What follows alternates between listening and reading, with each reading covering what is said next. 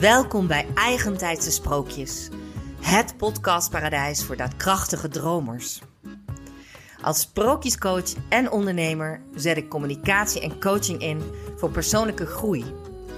Met hulp van sterke rolmodellen en krachtige verhalen moedig ik je aan om vrij, verbeeldingrijk en vol vertrouwen je eigen sprookje waar te maken. Mijn naam is Lapol en mijn magische missie: No fear, no fairy tale.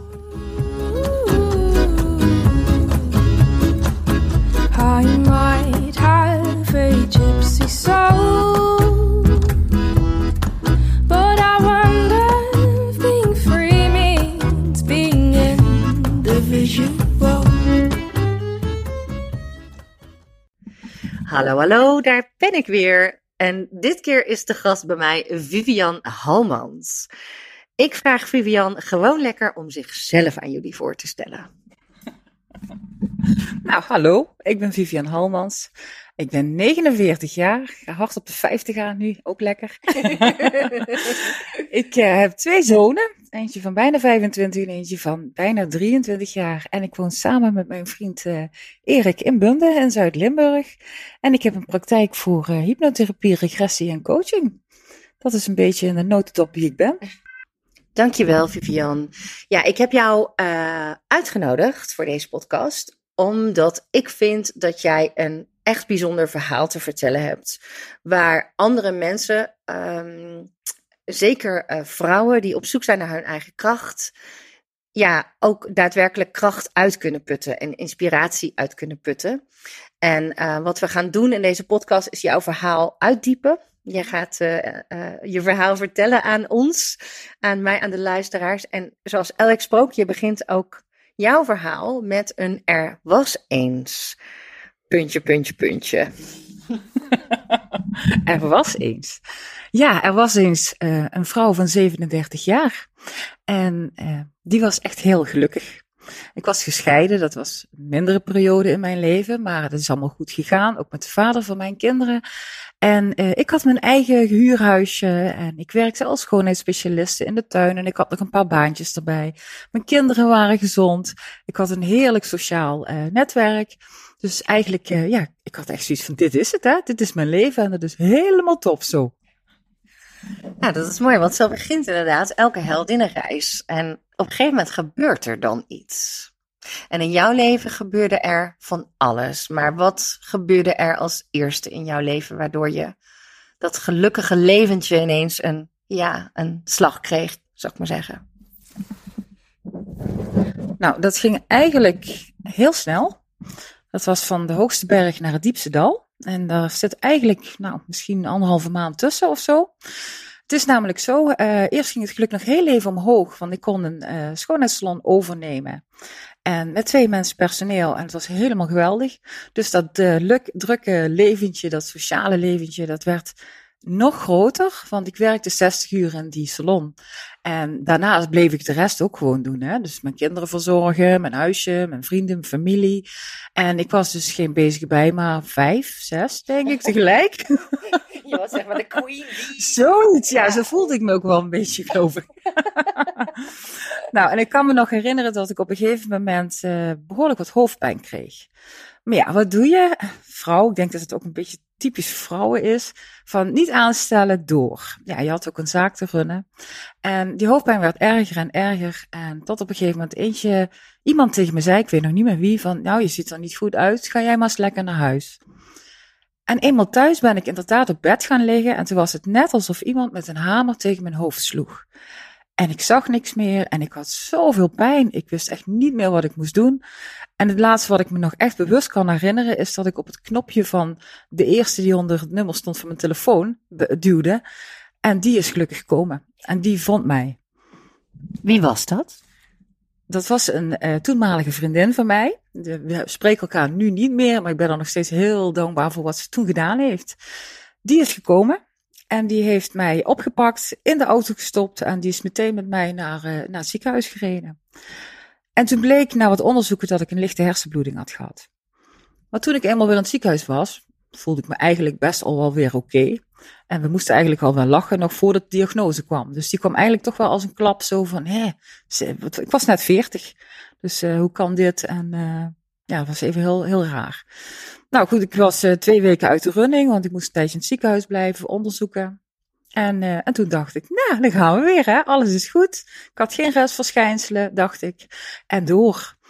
En weer meteen de drukte in. Dus het was gewoon ook heel dom wat ik deed. Maar op dat moment dacht ik dat ik energie voor tien had. En eh, nou, ik kan me nog herinneren dat ik op een gegeven moment in de spiegel keek. En dat ik dacht, hè, mijn gezicht hangt scheef aan één kant. Maar ik moest door, want ik had een klant. Dus ik ging naar die klant toe. En ik kwam later weer terug bij die spiegel. Nou, ik zag niks meer. Dus ik dacht, nou, het is niet zo. En ik ben verder gegaan met werken. En, ehm, en op een gegeven moment ging ik naar huis. En het was klokslag zeven uur. Dat was ook heel typisch. Dat ik ineens dacht, wat is dit? En het was alsof iemand mij letterlijk met een mes in mijn oog stak. En ik keek in de spiegel en mijn oog traande en mijn gezicht hing weer scheef en mijn neus zat dicht. En ik dacht echt, wat is dit? Ja, hartstikke grote paniek natuurlijk. Dus weer terug naar het ziekenhuis. En gelukkig was er een neuroloog die gespecialiseerd was in clusterhoofdpijn. En die zei direct, dit is het. Dus er was iets kapot gegaan in mijn hersenen, wat die clusterhoofdpijn veroorzaakt had. En dat, eh, dat, daar kwam je eigenlijk, eh, want de onderzoeken zelf hadden niet veel opgeleverd, eh, zeg je. En, en eigenlijk had die bloeding er dus dan voor gezorgd dat je die clusterhoofdpijn kreeg. Ja, waarschijnlijk wel. Ja. Want uiteindelijk hadden ze wat oud bloed gevonden. Eh, daarop wisten ze dat het een hersenbloeding was geweest, maar lichte. En ik had ook meteen doorgekregen van, nou, je hebt net zoveel kans als ieder ander om nog een keer te krijgen. Dus het was maar een, eh, hoe zei hij dat, een blaas in een fietsband. En die was even geknapt. Ja, dat klinkt heel eh, simpel, maar het gaat nu natuurlijk om jouw hoofd. En, en misschien kun je ons ook uitleggen wat clusterhoofdpijn is. Want ik denk dat ik heb zelf, nou, eh, als ik de hoofdpijnen in mijn leven kan ik sowieso op één hand tellen. Ehm, eh, en, en dan heb ik het eh, in zo'n lichte mate gehad dat het bijna meer een katertje leek. Maar kun je uitleggen wat het voor jou betekent en wat clusterhoofdpijn is? Ik zal het proberen uit te leggen, want ik vind zelf al het woord hoofdpijn niet kloppen. Want dan denkt iedereen inderdaad even van, oh, ik heb even pijn in mijn hoofd. Dit zijn aanvallen van je eigen lichaam.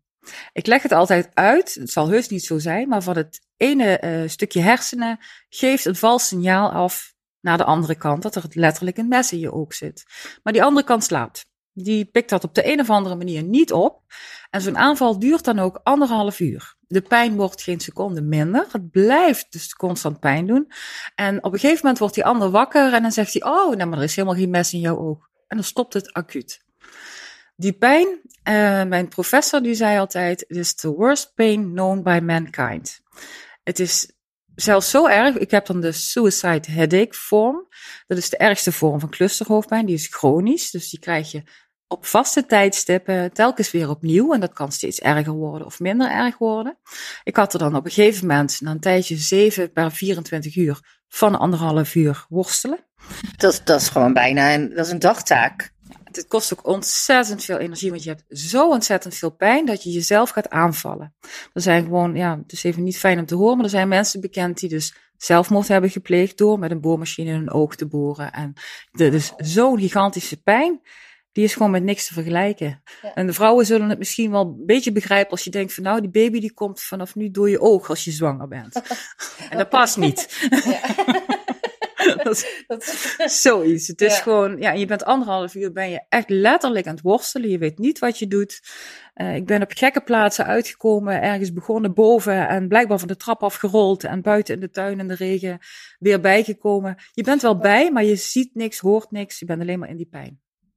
Ja, want ga je dan oud? Is het een soort blackout ook wat die je meemaakt? Je gaat niet oud, maar de pijn, pijn is zo hevig dat je met niets anders meer bezig kan zijn dan die pijn eruit krijgen. Dus je slaat jezelf tegen het hoofd en je krabt en je trekt je haren uit het hoofd. Die pijn die is met niets te vergelijken. Dus bijna als mensen die zichzelf snijden omdat ze een bepaalde zielepijn niet meer gewoon even daar genoeg van hebben. En die gaan zichzelf in het lichaam snijden omdat ze dan in ieder geval die pijn even niet meer voelen. Zoiets. Dat is zoiets. Alleen deze pijn, die, ja, die, die is zo heftig dat die dus inderdaad, ja, af en toe werd je, raakt je gewoon bewusteloos. Hè? Dat je Ja? zoveel energie hebt gebruikt en je hart dat gaat zo tekeer. En je, je kruipt overal naartoe en je, het is gewoon heel onveilig. Dus van elke aanval was het maar afwachten of ik er nog uitkwam. Zo. Dus ik had een heel team om me heen op een gegeven moment. Van mensen die gewoon op vaste tijdstippen bij mij waren. Om me maar te beschermen tegen mezelf en tegen alle meubels en, eh, en zoiets. En nog was ik vaak bont en blauw. Oké, dan heb je dat dus. Je hebt eh, bijna een dagtaak aan die, en, eh, aan die clusterhoofdpijn. En je hebt een heel team om je heen. Maar je denkt natuurlijk, of je wil daar natuurlijk het liefste ook gewoon weer helemaal van af. Ja. Absoluut. Dat Ja. is iets wat je, ja, je wordt er niet oud mee als je het zo erg hebt. Dus dat weet je gewoon van tevoren. En ik had een neuroloog die daar heel hard zijn best voor deed. Maar ik had op een gegeven moment eh 13 verschillende eh, pijnstillers, medicijnen, zuurstof, spuiten. Ehm, nou ja, verzin het maar. Maar niets hielp. Het was echt, ja, die hadden ook nog heel veel bijwerkingen. Die, dat was eigenlijk het enige wat ik er wel van had. Maar ze deden gewoon niks. En ja, op een gegeven moment was mijn neuroloog ook echt heel radeloos. Die had echt zoiets van, ja, we weten het gewoon niet meer. Ik was natuurlijk heel veel afgevallen, want je bent, het gaat dag en nacht door, hè. En eh, de remslaap, dat is een trigger. Dus elke keer als je gaat Oh. slapen, binnen een half uur tot een uur, dan ga je in de remslaap. En dan was ik weer wakker met een aanval. Dus je slaapt ook niet meer. Ja. Dat ging gewoon 24 uur per dag door. Je bent dus echt alleen maar daarmee bezig ook. Je kunt verder niks meer. Je kan niks. Op het moment dat je uit die cluster komt, is het gelijk over. Dat is echt of iemand met zijn vingers knipt en het is weg. Maar je bent dan zo uitgeput. En je weet gewoon, straks komt er weer eentje. Dus dat was in het, ja, zeker de eerste tijd was dat vreselijk. Want ik was natuurlijk ook mijn bedrijf kwijtgeraakt, hè. Ik, was, ik had niks meer, ik had geen inkomsten meer. Eh, ik moest eh, rondkomen van een eh, bijstandsuitkering met mijn twee kinderen. Nou, dat kwam neer omdat ik in de schuldsanering uiteindelijk terecht kwam, omdat ik niet meer op kantoor was. Viel eentje weg en ja, was er op een gegeven moment niet meer genoeg inkomsten. Dus dat viel volledig weg. Geen inkomsten meer. Een klein beetje budget, het was 35 euro in de week, wat ik kon uitgeven aan boodschappen voor mijn kinderen en mezelf. Je hebt geen sociaal leven meer, want ik kon niet naar buiten, want de wind was een trigger. Is het nog steeds, maar dat was een trigger waardoor ik dus ook nog binnen moest blijven. En je had niks meer, geen vooruitzicht. Het was alleen maar wegvechten eigenlijk. Ja, plus jouw kinderen. Kan ik me voorstellen dat het ook heel heftig was voor jouw kinderen. En dan voel je je misschien ook nog als, als moeder waarschijnlijk schuldig dat je daar niet voor kunt zorgen. Of had je dat ook? Oh, dat was vreselijk. Ja, ja dat was echt. eh, ja, ze waren nog de tieners in een begintijd van de tienertijd. En ik voelde me vreselijk. Want die kinderen die zijn heel lang niet bij een aanval geweest. Omdat ik dat gewoon niet wilde. Hè. Dan stuurde ik ze naar boven of ze waren weg. Maar op een gegeven moment kon dat niet meer. Hè. Dus eh, toen zei een, een kennis van me. We komen gewoon met vier man. En twee man letten op de jongens. En die andere twee zijn met jou bezig. Want ze moeten het een keer zien. Want als het gebeurt en ze zijn er niet. Of je, er is niemand. Ja, wat gebeurt er dan? Want Ja. het schijnt dus heel eng uit te zien. Ja, dat lijkt me ook. Dat, ja, precies. Dat, dat vooral ook. Dat ze dan dat zien en zelf ook in paniek kunnen raken of iets dergelijks. Dus Ja, precies. Nou, en dat is dus ook zo gebeurd. En eh spijt als haar op mijn hoofd. Want die kinderen waren echt helemaal uit hun doen. Eh de jongste die, eh, die gaf gewoon echt aan van, nou ja, ik wil niet meer naar school. Want anders ga jij dood als ik eh, op school ben. En zij, ja, ze staan machteloos, hè. En het mooie daar weer uit is dat ze op een gegeven moment, mijn broer zag het voor de eerste keer. En toen waren de jongens erbij en die gingen vertellen hoe het in zijn werk ging. Want ze hadden me natuurlijk wel uiteindelijk uit die aanval weer zien komen en weer gewoon gezien. En dat was volgens mij een moment voor hun dat ze iets konden doen. Al was het dan uitleg geven aan mijn broer. Ja. dat is wel belangrijk, ja. ja. hey, want eh, hoe vaak komt dit in Nederland voor? Eh, steeds vaker. Eh, ik weet niet de precieze aantallen. Het komt wel meer voor bij mannen dan bij vrouwen. Maar er zijn dus twee verschillende soorten clusterhoofdpijnen. De episodische, dat is gewoon een bepaalde tijd van het jaar. Dan krijgen die mensen een aanval. En dan is dat soms drie achter elkaar of tien achter elkaar of zoiets. En dan stopt het weer een hele tijd. Bij mij was het de chronische vorm. Ik weet alleen dat ik op een gegeven moment, dan spring ik heel even vooruit in het verhaal, ehm, kwam ik in aanmerking voor een neurostimulator. Een ex- eh, experiment was het toen nog. En ik was de eerste in Limburg toen die die operatie kreeg. Dus het was nog niet zo bekend op dat moment, ehm, ja, dat er zoveel aantallen waren. En Dus daarom kon ik ook als eerste gelukkig eh, geholpen worden. Oké, ja, daar komen we inderdaad Ja. zo meteen op terug. Want dat was natuurlijk dat is deel van, de, eh, van het herstel wat je bent gaan ervaren. Ehm, waar ik nog wel benieuwd naar ben, is. ehm, ja, wat doet zoiets met je? Los van dat, ik bedoel, wat doet het met je gedachten en ook juist zeg maar naar de toekomst toe? Wat dacht je vaak op dat soort momenten? Zag je nog wel überhaupt een toekomst? En hoe zag je die dan voor je? Nou, daar kan ik heel kort over zijn. Dat was er niet. nee, Ja. ik was toen al een redelijk positief mens. Dat zit gelukkig in mijn genen, maar op dat moment niet. Op dat moment was ik gewoon slachtoffer. En ik voelde me ook slachtoffer. En ik denk dat ik iedereen om me heen ook echt helemaal gek heb gemaakt. Want ik had niets meer om over te vertellen. Alleen maar over mijn gevecht. En over mijn tekorten.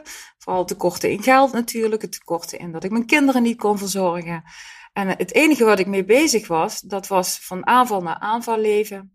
En als ik die aanval had, was het enige wat mij daaruit redde, was de grote foto's van mijn kinderen, waar ik dan naartoe kroop en die in de ogen keek, zo van hier moet ik voor door. En dat was eigenlijk mijn toekomst. En heb je ook wel ehm, gedacht van hè, wat je vaak hoort als iets je overkomt, waarom ik en waarom gebeurt dit? Dat je bent gaan zoeken naar oorzaken en heb je daar dan, hè, wat voor antwoorden vond je dan? Of, of gaf je jezelf, hoe, ja, ben je daarmee bezig geweest in die tijd? Nou, ik, ik was vooral in die tijd eh, boos en verdrietig. Het was niet zozeer van waarom ik, hè, want je ziet dat heel veel mensen eh, problemen hebben of dingen gebeuren. Dat, dat had ik niet zo. Maar wel ook boos. Zo van, nou had ik het net voor mekaar en eh, dit zouden mijn gelukkige jaren moeten worden en dan gebeurt dit. Dus dat wel. En Ja. ook heel veel verdriet natuurlijk, hè, want die was ook bang iedere keer voor zo'n aanval.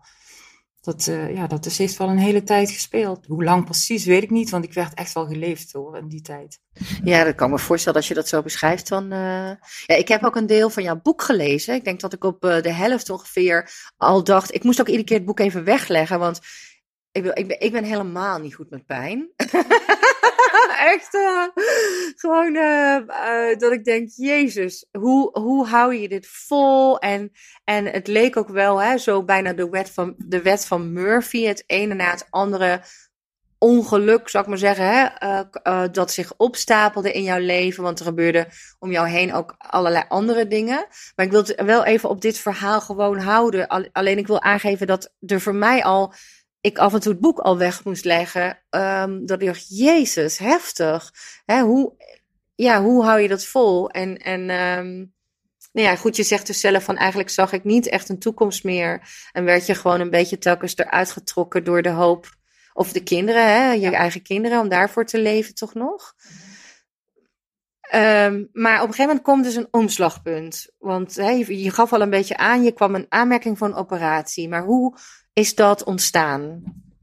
Ja, dat is eigenlijk een, een heel simpel iets, maar wat voor mij heel bijzonder is en wat ik nu ook nog steeds elke dag doe. Ik was dus op dat moment heel boos. En ehm, ik ging slapen, maar ik wist dat ik niet kon slapen, want dan ging dat beest, zal ik het maar noemen, weer tekeer. En toen dacht ik bij mezelf, ik moet weer eens gaan zien waar ik dankbaar voor ben. Ja, het klinkt misschien heel cliché, maar dat was wel op dat moment dacht ik, ja, waar ben ik nou eigenlijk nog dankbaar voor? Wat heb ik nog? Ik denk dat dat misschien het, het eh, betere woord was. En ik kon alleen maar denken aan Lars en Niels, mijn twee kinderen. En er kwam niks. Er kwam echt helemaal niks meer.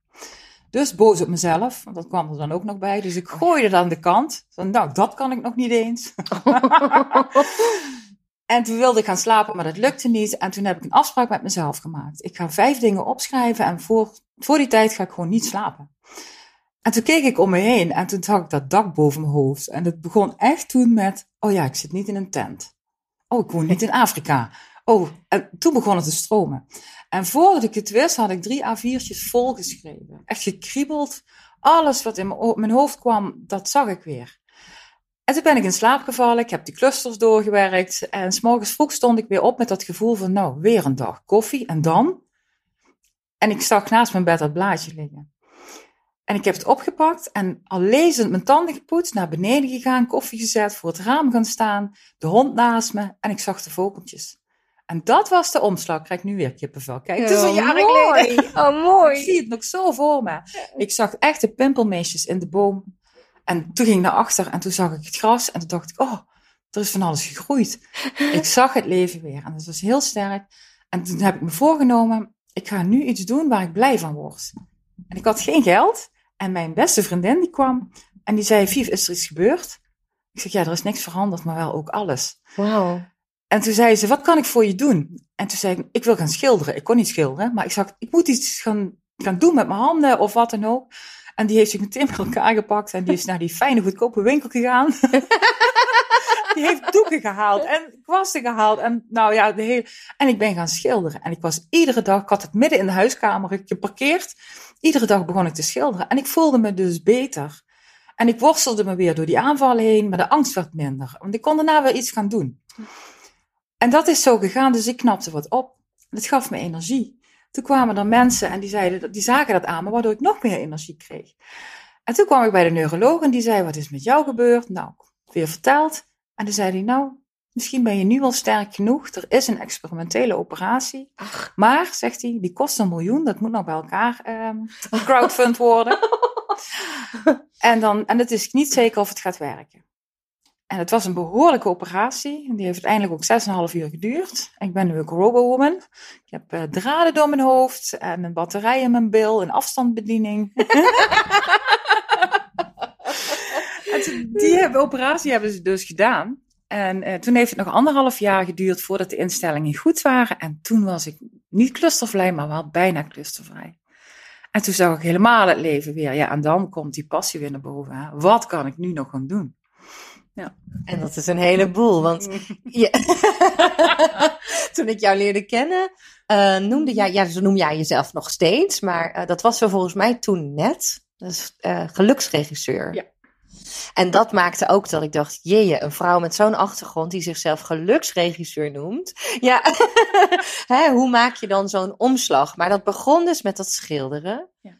En ja, hè, je hebt toen een operatie gehad, zeg je. Eh, en dat heeft nog anderhalf jaar geduurd voordat. Maar het werd dus wel iedere keer beter. In het begin nog even niet, want ik had dus en een grote operatie, waardoor ze, ja, die, die, die, eh, zeg je dus, die draden, die schuiven ze dus door de zenuwen heen en door de eh, spieren en zo. Dus het was echt afschuwelijk. Ik heb twee weken in een tuinstoel gezeten, want ik kon niet liggen. En die aanvallen gingen maar door, want dat was Mm. mijn grootste angst ook, hè, na die operatie. Van ja, maar hoe kun je zo gewond, met zoveel pijn, die pijn dan nog eens bovenop hebben? Maar ja, blijkbaar was die held nog dieper, maar daarna ging die ook omhoog. Dus toen kwam hij eruit. Ja. Want je hebt eigenlijk dus eerst nog ergere pijn gehad na die operatie. Zakte je toen niet er moed in de schoenen dat je dacht, shit, nou heb ik die operatie eh, laten doen? Ehm, nou, die, die twee weken denk ik dat ik alleen maar aan het vechten was tegen die pijn. Of, of ik was er stil van, laat ik het zo zeggen. Maar ik heb nooit de moed opgegeven. Want ik dacht, dit moet het gewoon gaan doen. Dit is mijn enige kans. En die, die, ja, die is er gekomen. Hè, die operatie is drie keer uitgesteld omdat ze het geld niet hadden. En op een gegeven moment ging die door. En toen dacht ik ook van, nou, nu, nu moet dit gaan werken. Ja. Want dat was misschien al een, een wonder dat het überhaupt een miljoen bij elkaar harken voor een operatie. Dat is natuurlijk al een hele klus. ja, echt. Ja. Jij, jij zegt eh, zo- eh, daar straks van, ehm, gelukkig was ik een positief mens. Mhm. Leg eens uit, want dat heeft natuurlijk wel ook zoveel te maken met, denk ik, de follow-up van events die je net beschrijft. Ja, dat is ook wat je net vroeg, hè, geluksregisseur. Ehm, ik heb natuurlijk ook hele fijne en gelukkige momenten gehad in mijn leven. Ehm, maar er is ook heel erg veel gebeurd, eigenlijk al vanaf mijn elfde. En daar ben ik elke keer weer bovenop gekomen. En ik weet, ja, dat is misschien, ik ga het heel kort even aanraken. Ehm, tot ik op een gegeven moment werd ik aangerand. En daar was ik heel erg van in paniek. Maar ik dacht toen wel, ik bepaal hier of dit mijn leven kapot gaat maken of niet. Dat was heel gek, want ik was 16 jaar. En dat ik dacht, ik kan nu alle mannen gaan haten. Of ik doe dat niet en ik zie hem als een beest. En dat draaide iets voor mij om. En ik denk dat ik dat na die 16 jaar altijd heb blijven doen. Bij alles wat mij gebeurde, ging ik toch automatisch kijken, hoe heb ik dat overleefd? En dat wil niet zeggen dat ik niet ook mijn slachtoffer heb gevoeld, boos ben geweest of verdrietig ben geweest. Maar ik draaide het wel om, want ik werd moe van mezelf als ik in de klaagmodus zit. En dat zit, mijn moeder is ook heel positief, dus ik denk dat het ook wel een deel in de genen zit. Maar alles wat er gebeurd heeft, ja, heeft me hoger op die ladder geduwd uiteindelijk. Ja, ik vind dat toch heel knap. En zeker omdat de heftigheid voor mij in ieder geval heel eh, hoog is in dit verhaal. Dus met zoveel pijn eh, het leven doorgaan. Ehm, ehm, en ik moet ook even denken aan, ik geloof dat die meneer Victor Frenkel heet zelfs. Uh, of die heet Victor Frenkel, maar ik moet er zelfs aan denken. Hij heeft iets gezegd over. Hij is een overlever van, de, van um, de Tweede Wereldoorlog, van een kamp. En dat soort mensen, die vind ik dan ook altijd. iemand zei wel eens: ja, zo iemand heeft recht van spreken. Want als je dat soort omstandigheden overleefd hebt, dan. dan um, ja, dan weet je wel waar je het over hebt. Als je het hebt over hè, niet zomaar een beetje tegenslag. Mm. Maar um, dus dat, dat, dat geeft natuurlijk.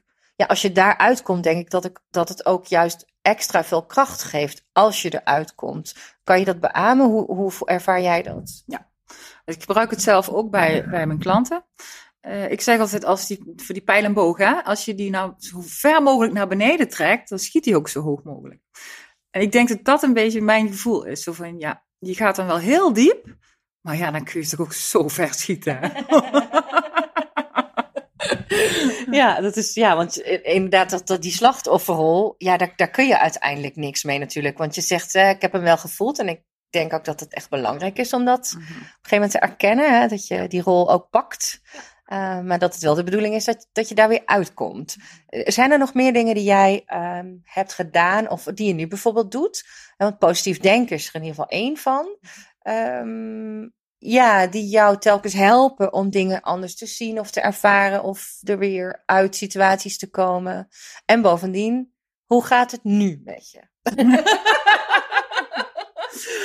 Twee vragen. Uh, ja, um, nou, wat doe ik? Nou, je weet natuurlijk dat je alles overleefd hebt wat je hebt meegemaakt. Dus dat helpt heel erg om te denken, nou, dan zal ik dit ook wel overleven. Um, en ja, ik ben nogal, uh, ik probeer non-dualisme een beetje te leven. Uh, ik ben daar een hele tijd geleden, jaren geleden, mee in aanraking gekomen. En toen dacht ik, ah, zo is het. Ja, dat klopt. Nou, dat is natuurlijk een heel moeilijk verhaal om uit te leggen, non-dualisme. Maar het is eigenlijk dat we niet uit twee bestaan. Hè? Geen twee betekent het.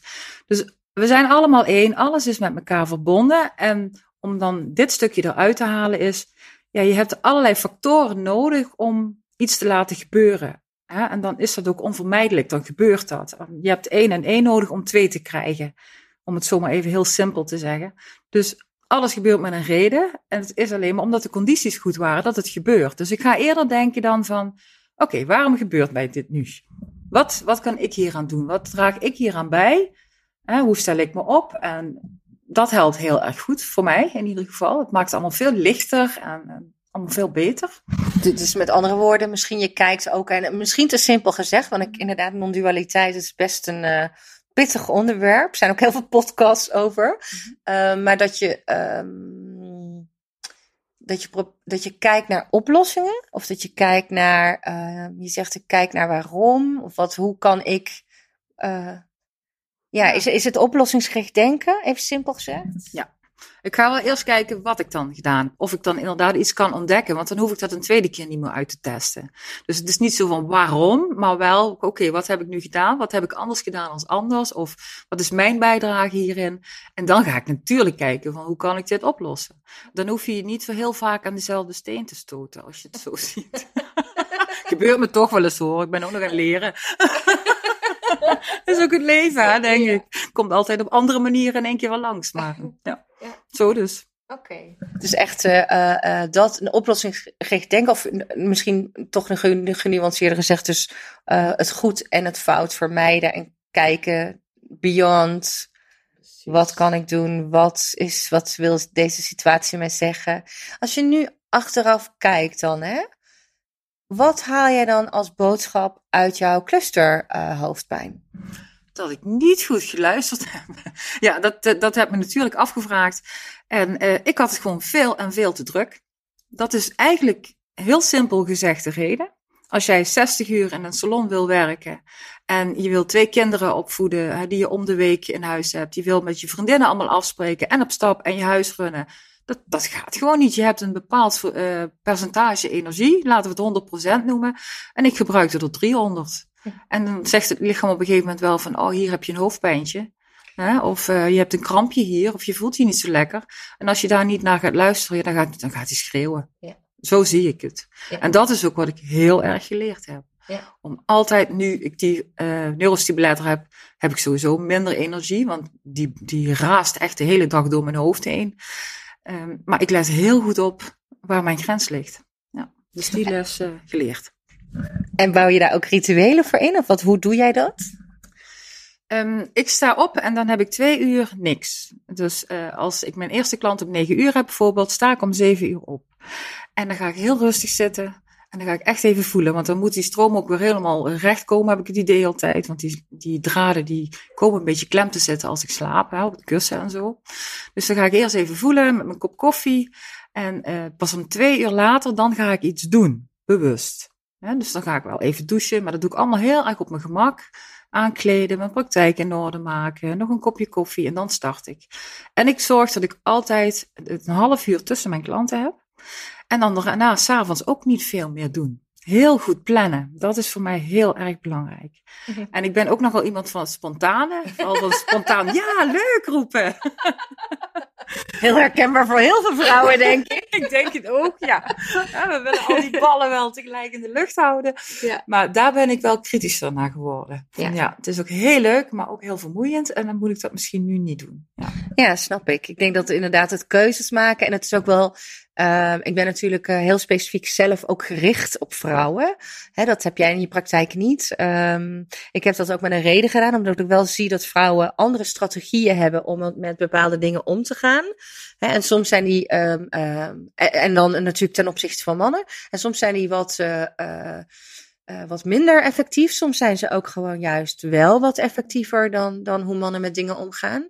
Maar ik denk dat dit heel herkenbaar is. We willen graag, ja, en ook dat sociale, hè? je wil ergens niemand teleurstellen of je wil iedereen, ja, gewoon iets geven en je voelt je snel verantwoordelijk als vrouw. Hoe zie jij dat? Ja, je, je- ze, ze zit te knikken, mensen tegenover mij, heel herkenbaar te knikken. maar ja, beleef jij dat ook zo als vrouw? Zie jij verschillen? Ja, absoluut zie ik verschillen. En wat je net zegt, vrouw, geven, geven, hè, dat is, we delen zo graag en we geven zo graag, hè, maar dat ontvangen, joh, dat is toch zo moeilijk. ik heb dat echt moeten leren, hoor. Ik kan het nu heel goed, maar dat zie ik wel heel erg. De vrouw wil maar geven en dus ook je energie geven en geven en geven. Ja. Ja, het is grappig, want wij zijn, eh, ik heb daar ook best wel eh, mooie metaforen voor die met ons lichaam te maken hebben. We hebben een vagina. Die is bedoeld, is gewoon een gat, zeg maar, even plat gezegd, waar iets in kan. Dus wij ontvangen. Wij kunnen heel goed, wij, wij zouden eigenlijk van nature ontzettend goed moeten kunnen ontvangen. En eh, ja, en de penis, die is, eh, is, is een geefding, zal ik maar zeggen. Hè? Of die heeft, penis heeft ook voor mij focus. Focus. Open, openheid, ons vagina, is, gaat dus ook alle kanten uit, zou, zou ik maar zeggen. Dus ik kan daaruit ook juist van die mooie parallellen tussen Echt mooi, bedo- die ga ik onthouden, hoor. Ja, ik kan daar best wel veel uithalen van hoe wij eigenlijk ook met onze dingen omgaan vaak. Los nog even van wat de cultuur ons allemaal ehm, heeft, wat we cultureel hebben aangeleerd.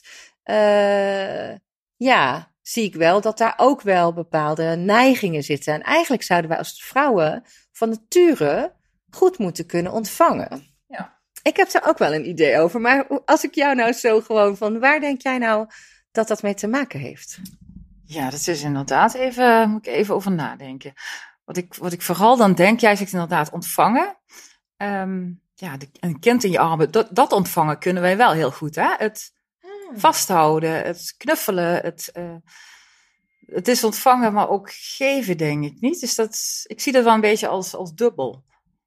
Ja, het is een mooi voorbeeld. Ik ben zelf geen moeder, dus ik vind het een mooi voorbeeld dat je dat als. Dus tegelijkertijd, als jij bijvoorbeeld je kind vasthield, dan gaf je, maar dan ontving je ook. Ja, je ontvangt dan die liefde en dat, dat gevoel van dat kind. Ja, dat, eh, dat voel ik wel heel sterk.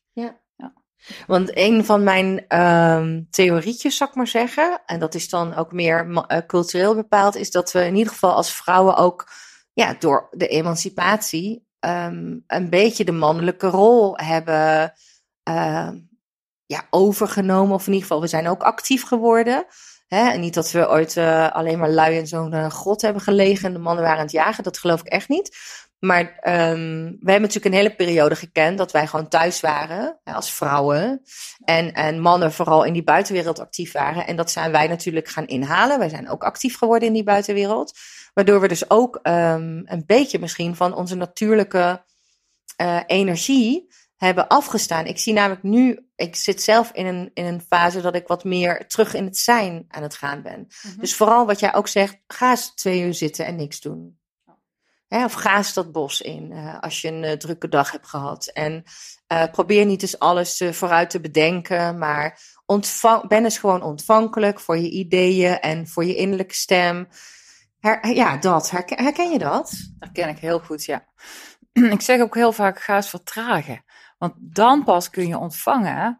Want wij zitten natuurlijk ook heel veel in ons hoofd. We zitten heel veel in ons gevoel, in de emotie, maar ook in ons hoofd. En we proberen alles, en dat is iets van vroeger, denk ik, van alles maar te regelen, alles onder controle te houden, dat dat gezin maar blijft lopen. En daarnaast dan dat stukje wat we uitgaan.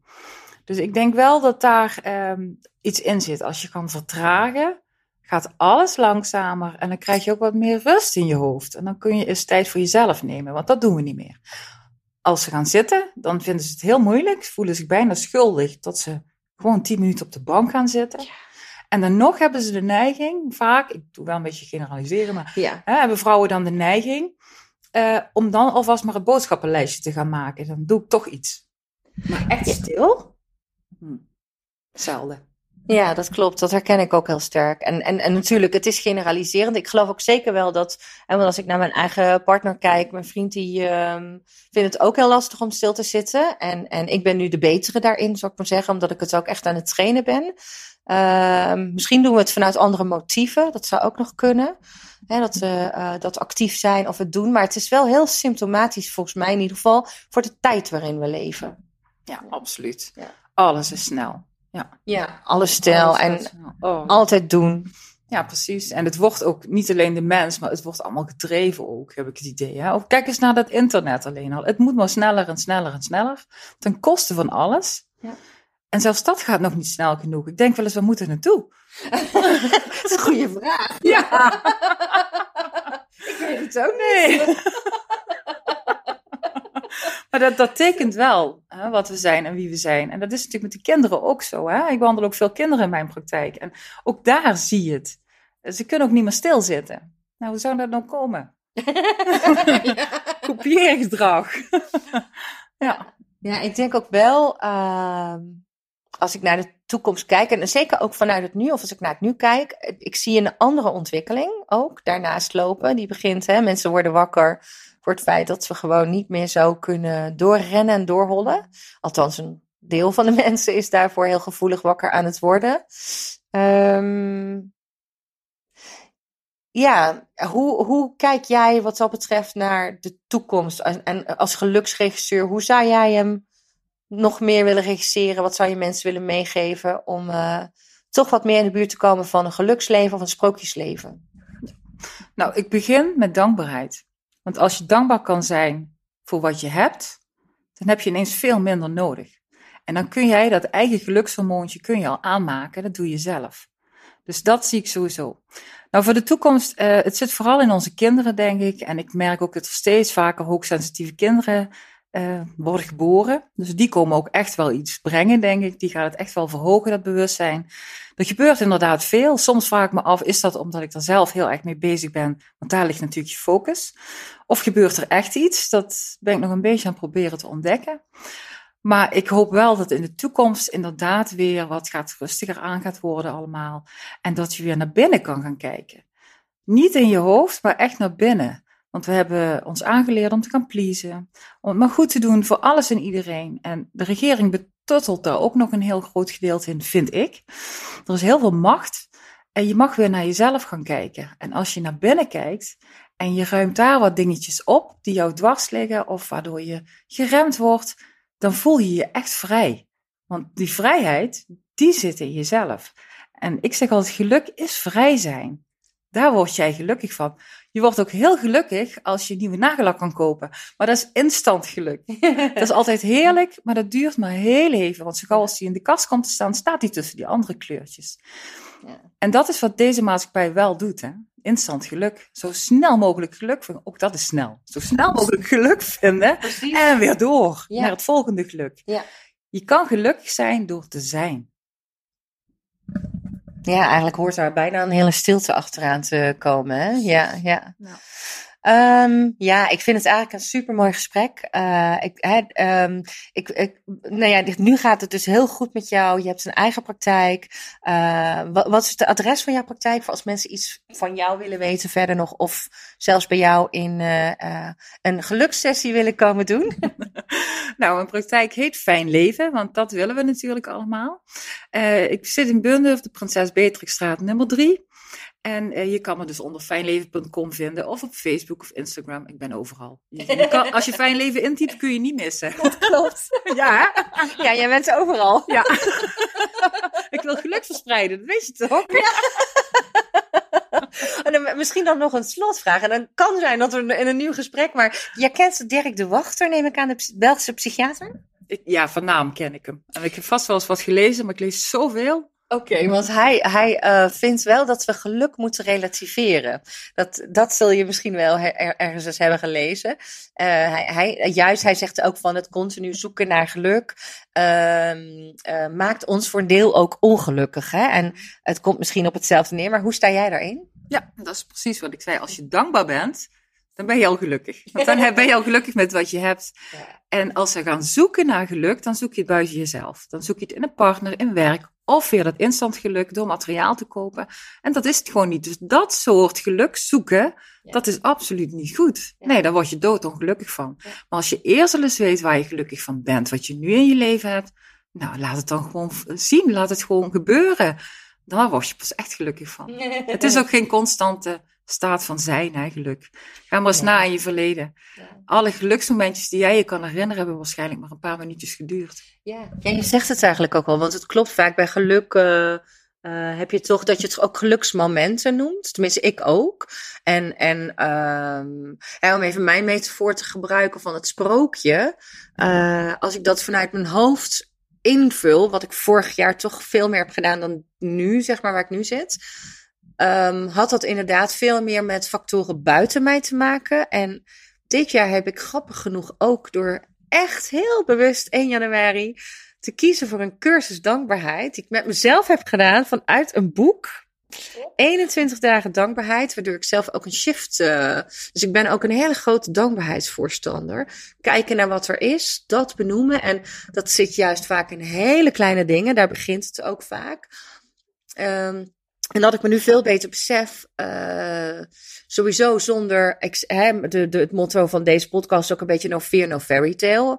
Hè, dus eh, angst brengt je ook juist bij eh, het sprookje bijvoorbeeld. Hè, of net zoals eh, jouw ongeluk je ook bij je geluk heeft gebracht in- voor, voor, op een bepaalde Ja. manier. Absoluut. Ja, dus dat, dat en, en als je dat ook wat meer durft toe te laten, van het hoeft niet altijd, geluk is geen constante en je hoeft niet altijd, alles hoeft altijd leuk te zijn, of er zit ook een schat in, de- in het ongeluk, dan denk ik sowieso dat je al meer richting die non-dualiteit, maar ook richting ja, een soort basisgeluk of in je leven gaat. Dat, ik ben het helemaal met je eens. Dat is absoluut zo. En je voelt je dan, het klinkt heel, heel gek, maar je voelt- voelt je vredig eigenlijk. Hè? Ja. Zo van, Ja. er is rust. Als je gelukkig bent, dat is het rust. Je bent vrij. En dan zijn er die uitschieters, die wat weer hele mooie herinneringen worden. En die herinneringen, dat is vaak het geluk. Want je kan terugkijken. En je kan denken, hè, dat voelde fijn. Ja. En je onderbewuste, die helpt je dan door lekker even dat gevoel ook erbij op te gooien. Nou, mooi. Zullen we gewoon eh, afsluiten met Ambitie en Frieden? Een beetje vrede. Ken je dat nog? Dat Ja, precies. Ein bisschen Frieden, bisschen Freude. Hey, hartelijk bedankt. Heel graag gedaan. En eh, we wensen jullie allemaal heel veel geluk eh, toe. Dankjewel voor het luisteren.